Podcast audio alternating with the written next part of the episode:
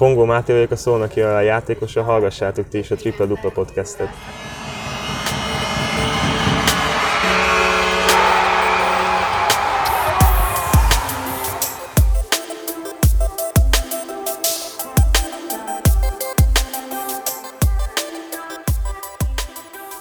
Sziasztok, Magyar Dávid vagyok, ez pedig itt hosszú idő után újra a ProBasket Tripla Dupla Podcast. Hát ez a Covid időszak nem csak a kosármeccseket tizedeli meg, hanem sajnos a podcastet is, de most itt vagyok, és velem szemben Pongó Máté, a Szolnoki olajbányász irányítója, de még mielőtt rátérnénk Mátéval a beszélgetésre, mert elég sok témánk van, hagyj mondjam el, hogy természetesen lájkoljátok a Facebook oldalt, kövessetek Instagramon, ez nagyon fontos, illetve iratkozzatok fel a podcastre abban az applikációban, amelyikben hallgatjátok, legyen az akár Apple Podcasten, vagy akár Androidon bármelyik podcast hallgató alkalmazáson.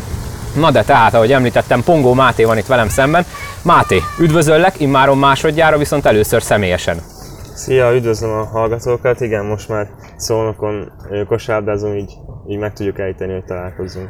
Mikor legutóbb beszéltünk, akkor ugye még friss volt a dolog, hogy az olajhoz igazoltál. Hát azóta mondhatnánk, hogy sok minden is történt, meg nem is, ami a kosárlabdát illeti. Említetted, hogy most már Szolnokon élsz, mik az első benyomásaid a városról, hogy tetszik még, hogyha most igazából nincs is olyan túl sok minden, ami mondjuk történhetett volna nyár óta ugye a Covid miatt. Igen, amikor idejöttem, akkor azért egy kicsit ö, ö, nem voltak ugye ilyen szabályozások, tehát könnyebb volt programot találni. Ö, pár kávézó, illetve étterme, éttermet már kipróbáltam itt a csapattársakkal, úgyhogy igazából szerintem egy élvezhető ö, kis város a csapat, meg ö, szerintem a hangulatot tök jó az öltözőben, meg az öltözőn kívül is többször csinálom programot, úgyhogy jó helyre kerültem, azt gondolom. Jó is, hogy mondod a hangulatot, mert ez lett volna a következő kérdésem, hogy milyen a csapatkémia. Ha úgy vesszük, volt is időtök összerázódni, meg nem is, mert edzések azért vannak, voltak, most már vannak meccsek is, meg tulajdonképpen együtt estetek át a betegségen is, szóval hogy érzed, hogy milyen a csapatkémia, ki az, akikkel nagyon jól kijössz, na meg az ilyenkor szokásosak? Szerintem az egész csapat, igazából mindenki mindenkivel tök jó kijön, úgyhogy nem nagyon tudnék úgy kiemelni embereket. Igen, a Covid alatt ott, ott tartottuk telefonos kapcsolatba a, a kapcsolatot egymás között. Nehéz volt azért az, az időszak, de tényleg az, hogy néha láttuk egymást, vagy tudtunk beszélgetni, akkor az egy kicsit így feldobta azt az unalmas napokat. Igen, hát ahogy tudunk a pályán is együtt küzdeni szerintem, tehát nagyon jó kis közösség van. És mi a véleményed Gasperről, ugye a vezetőedzőről, neki azért van egy olyan híre itt a honi kosárlabdában, hogy nem éppen a legkönnyebb edző, aki Hát ugye mindenki kiemeli róla, hogy a munkát tartja a legfontosabbnak. Ezt te is megtapasztaltad a saját bőrödön? Igen, abszolút. Biztos, hogy a munkában hisz. Kemény edzések vannak, keményen dolgozunk, de megvan az eredménye, tehát szerintem eddig, eddig egész jól indítottuk a bajnokságot. Nyilván szeretnénk még fejlődni, de, de azt gondolom, van is még bennünk lehetőség a fejlődésre. Kis háttérinfo, most is egy edzésről jössz tulajdonképpen, ugye délelőtt volt edzés. Ilyenkor, ugye most csütörtök este játszottatok a Kaposvár ellen, volt-e másnap pihenő, vagy rögtön megint edzés, vagy most mi ez a feszített tempóban, mi a napi rendetek? Hát általában meg szoktuk kapni a, a meccs utáni teljes napot, vagy esetleg csak a reggel, tehát ez nyilván attól függ, hogy mikor van a következő mérkőzés. Most tudtunk pihenni pénteken, de tényleg ez, hogy heti kettő meccset játszunk, így azért eléggé sűrű a, a, a program, de hát így kevesebb edzés, több meccs azért szerintem ez mindenkinek jól megy. Igen, ez azért nem biztos, hogy rossz dolog egy játékosnak, erről már többen is beszéltek nekem. Haladjunk egy picit időrendben. Megérkezel, szolnokra elkezdődik az alapozás, mindenki úgymond talán átvészelte az első hullámot a Covid-ból, elkezdetek edzeni, elkezdetek játszani, és akkor meséld el, légy szíves, hogy hogy folyt a tesztelés, ugye a kötelező, egy kötelező tesztelés volt, ha jól emlékszem, a bajnokság kezdete előtt, akkor ugye nálatok még minden rendben volt. Ez, ez hogy volt akkor, mi volt ennek a metódusa? Igen, próbáltunk figyelni, ugye, hogy, hogy az első mérkőzés a szezonban előtte volt egy tesztelés, ugye, és akkor mi minden rendben volt, nem volt semmi probléma, aztán igazából nem tudtuk kikerülni, tehát mindenki próbált figyelni ugye erre, hogy, hogy ne nagyon menjen közösségbe, vagy esetleg többször moson kezet, hogy ilyen dolgokra, de hát sajnos ezt, ezt nehéz kikerülni. Jó ritmusban voltunk, szerintem az alapozás az elég jól sikerült, ugye az edzőmeccsek is jó játékkal is, tehát nem az, csak győztünk, szerintem jól is játszottunk. Utána nyilván lejátszottuk a két bajnokit, és nyilván rosszul jött ez a, ez a karantén időszak, de mondhatjuk úgy, akkor talán szerencsés, hogy ugye az egész csapat átesett rajta, átvészeltük úgy nagyjából a szezon elején. Ezt utána nehéz volt visszajönni azért, tehát az edzések azért nyilván nem volt senki olyan állapotban, mint előtte. Kicsit ö, könnyített edzések voltak az első héten, utána egyre fokozatosan kaptuk a terhelést. Azt gondolom, hogy azért sikerült helyek közel az erőnlétet visszaállítani, tehát most az elmúlt két meccsen erőnlétben szinte nem volt probléma, nyilván majd, majd a formán még lehet mit javítani, de igazából két győzelmen vagyunk túl, úgyhogy soha rosszabb szereplést. Ha egy kicsit előre szaladtál a már meg lejátszott meccsekre, Ugye nagyon sok helyen, meg nagyon sok mindenki, például MKOS főtitkár Bodnár Péter is azt mondja, hogy itt igazából nem a sportértéke fontos ennek a szezonnak, hanem hogy végig tudjon menni. Na most ezt egy élsportol, akinek ez az élete, ez a munkája, ezt mennyire tudja hát mondjuk idézőjelesen komolyan venni, hiszen azért valakinek csak meg kell nyerni a bajnokságot a végén, nem? Persze, hát az fennállhat, hogy nyilván több hiányzóval áll ki egy csapat, mint eredeti felállásban, hogyha nem lenne ugye ez a korona, de akik a pályán vannak, azok biztos, hogy azon vannak, hogy, hogy megnyerjék a mérkőzést és a legjobban, legjobb teljesítmény nyújtsák. Nyilván minden meccsen nyerni szeretnénk, szeretnénk bajnokok lenni, tehát a motiváció az megvan szerintem. Említetted ugye, hogy szinte mindenki beleesett a koronába ugye két mérkőzés után. Személy szerint te mit vettél magadon észre, neked mik voltak a tüneteid, illetve mennyire volt ágyba döntős neked a koronaidőszak?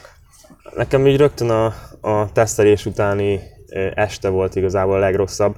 Akkor éreztem magam a legrosszabbul, de hál' Istennek gyorsan átmentem. Tehát volt csapattársam, akinek sokkal több napig tartott ez a rosszul lét. Nagyon legyengített mondjuk, azt, azt éreztem. Tehát már alapból ugye az, hogy tíz napot ott ül az ember, azért szerintem az is, az is meglátszik a, a szervezetén. Nem volt egy túl jó dolog nyilván, de, de ki lehetett bírni, igazából minden segítséget megkaptunk, tehát kiszállították az ebédet, és próbáltak mindenbe segíteni ugye a csapat körül is, úgyhogy szerintem nem lehet panasz. Te egyébként egyedül jöttél ide Szolnokra, vagy családdal? Egyedül, igen. Akkor, akkor neked duplá rossz volt, mert senkivel nem volt megosztanod a karantént közvetlenül. Mivel töltötted egyébként azt a tíz napot, amíg otthon voltál? Meg úgy általában mivel töltöd a otthoni szabadidőket? Próbáltam azért tartani telefonon keresztül a kapcsolatot ugye a külvilággal, többször facetime akár tesómmal vagy haverokkal. Hát Netflix, olvastam is egy kicsit, vacsorára főztem, úgyhogy igazából nem voltak túl mozgalmas napok. Amikor meg megy az edzés, akkor meg igazából majdnem ugyanez, csak, csak van napi két edzés mellette, úgyhogy nyilván nem, nem tudok nagyon mást kitalálni, mert ha még ki is lehet ugye most még menni, de hát sok programot nem lehet csinálni. A többi csapaton is ugye kin előbb, kin utóbb, de szinte mindenkin keresztül ment ez a vírus. Tartottad-e másokkal a kapcsolatot? Vannak-e olyan barátaid, akár a korábbi csapataidból, Kecskemétről vagy Pécsről, akikkel így tudták közbe beszélni? Érdeklődtök-e így egymás iránt, amikor éppen karanténban voltatok, vagy éppen betegen voltatok otthon? Igen, a Pécs ugye az már az alapozáskor bekerült a karanténba, ott beszéltem több volt csapattársammal, és így kérdezgettem, hogy ki hogy bírta, kinek milyen tünete jött ki, vagy ki hogy tudott visszajönni az edzésekbe.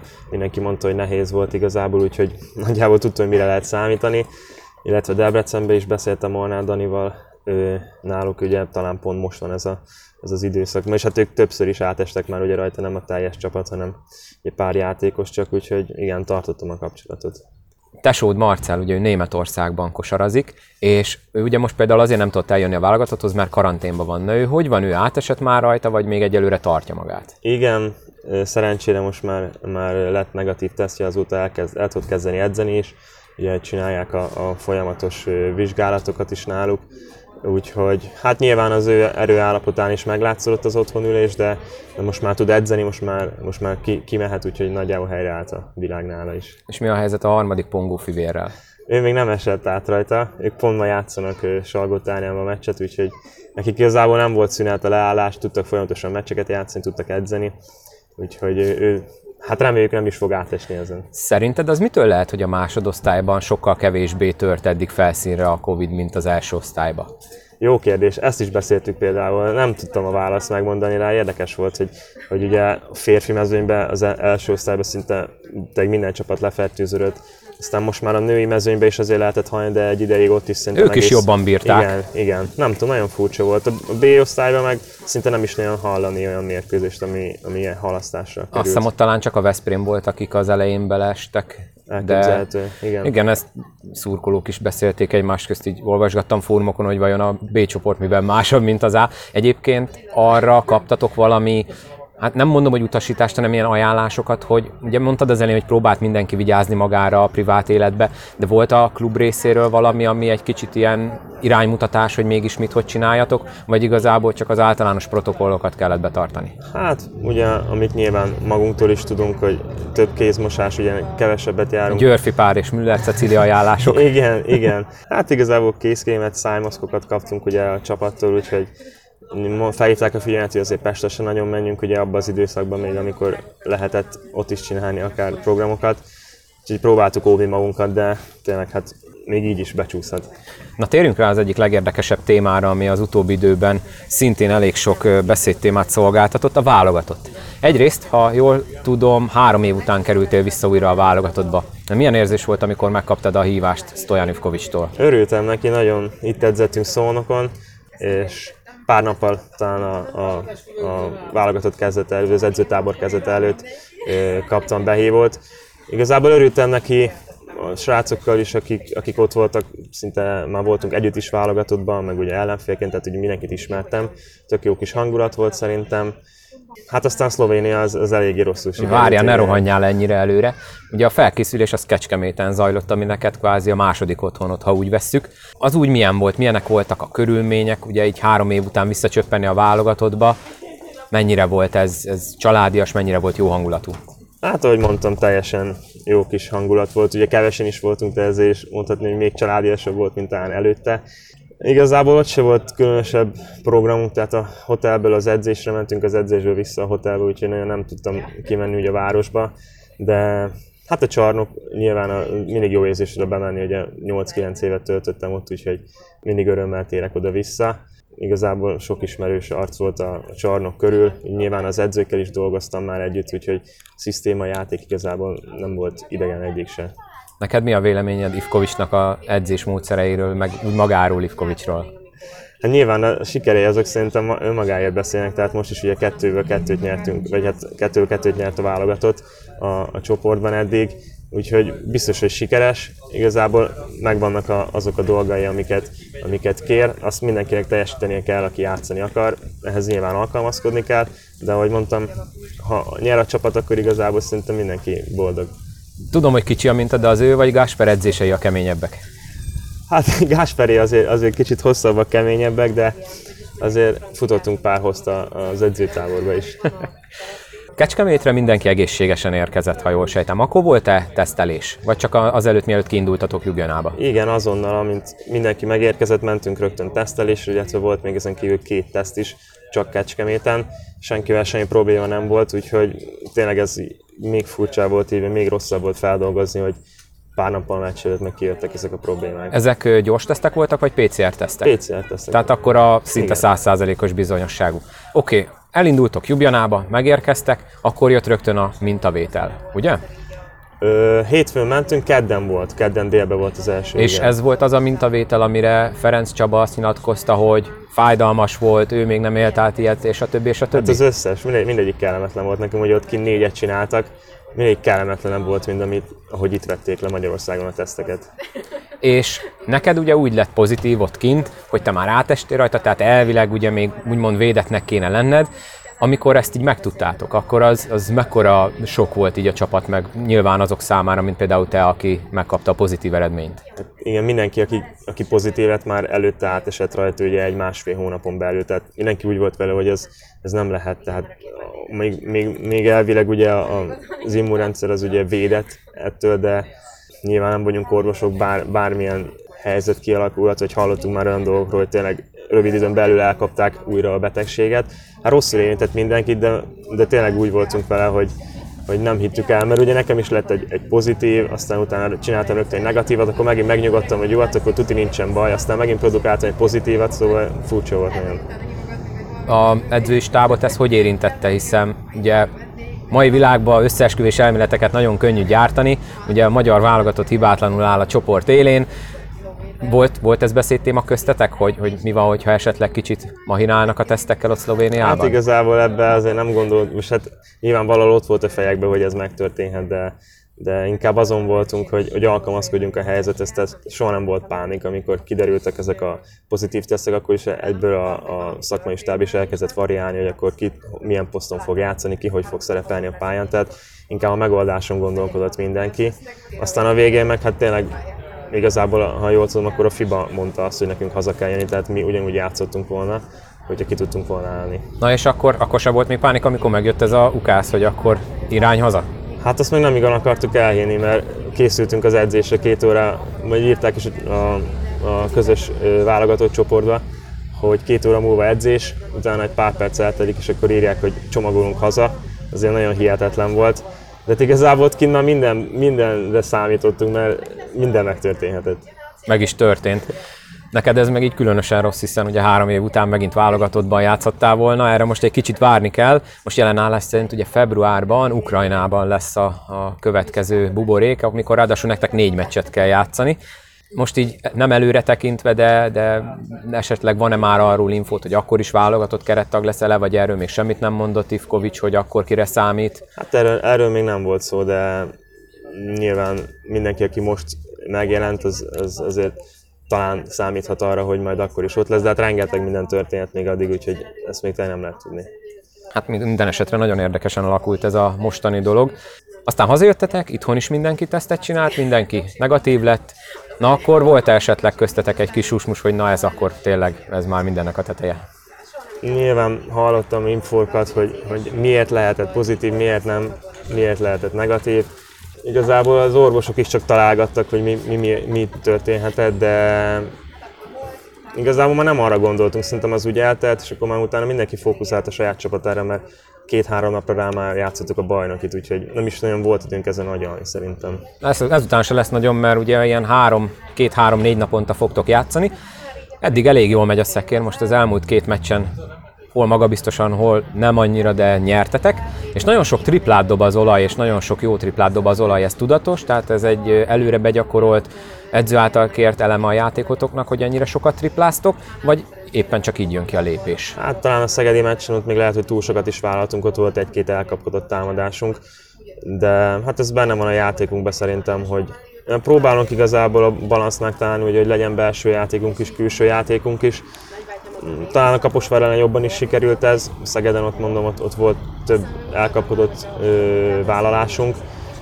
Igazából igen, ez, ez a mi stílusunk talán, hogy megpróbáljuk gyorsan befejezni a, a, támadásokat, és akkor benne van az, hogy kintről kell vállalkozni. Hát vannak jó kinti dobók a csapatban, például Roko Badzim. Na őróla például mi a véleményed? Ugye podcast kezdés előtt mi beszélgettünk már itt dolgokról, és ugye ő ott lakik a környékeden, talán ugye ugyanabban a házban is, ahol te laksz. Igen. Tehát akkor vele így milyen a kapcsolat? Jó srác egyébként, fiatal, egyébként meglepődtem, amikor megkérdeztem az életkorát, most töltötte be a 23-at. Idősebbnek néz ki? Á, én azt gondoltam, hogy igen, de tényleg hát ő neki a legnagyobb fegyvere a, a külső dobás. Rá kifejezetten vannak figuráink is ugye ilyen tekintetben nagyon sokat dolgozik pluszba is, úgyhogy szimpatikus srác. És milyen a viszony a D'Angeloval? Ugye, ha úgy vesszük, egy poszton játszatok, bár néha ugye minden ketten tudtok kettes poszton is játszani. Mennyire fontos az, hogy ti, aki mondjuk most úgy, hogy egymás cseréi vagytok, vagy ugyanazon a poszton játszatok, nagyon jó összhangba legyetek, mennyire tudtok egymásnak segíteni? Sokszor szokott nekem tanácsokat adni, ugye ő már azért egy tapasztaltabb játékos, játszott több bajnokságba is. Nagyon jó játékosnak tartom emberileg is egyébként nagyon, nagyon rendben van, tehát ö, csapatban ugyanúgy szerintem egy, egy fontos szerepet tölt be. Ö, szeretek vele igazából együtt is a pályán lenni, de, de tényleg van olyan, amikor ugye ő ül, akkor nekem kell csapatot irányítanom, ahogy mondtam, sokszor ad tanácsokat is. Szerintem jól tudunk együttműködni a pályán is. Nem túl magányos ő így egy amerikaiként a csapatban? E, nyilván tartja a kapcsolatot az otthoniakkal. Igazából szerintem az amerikaiak azok inkább ilyenek, hogy hogy az otthoniakkal ugye sokat beszélgetnek.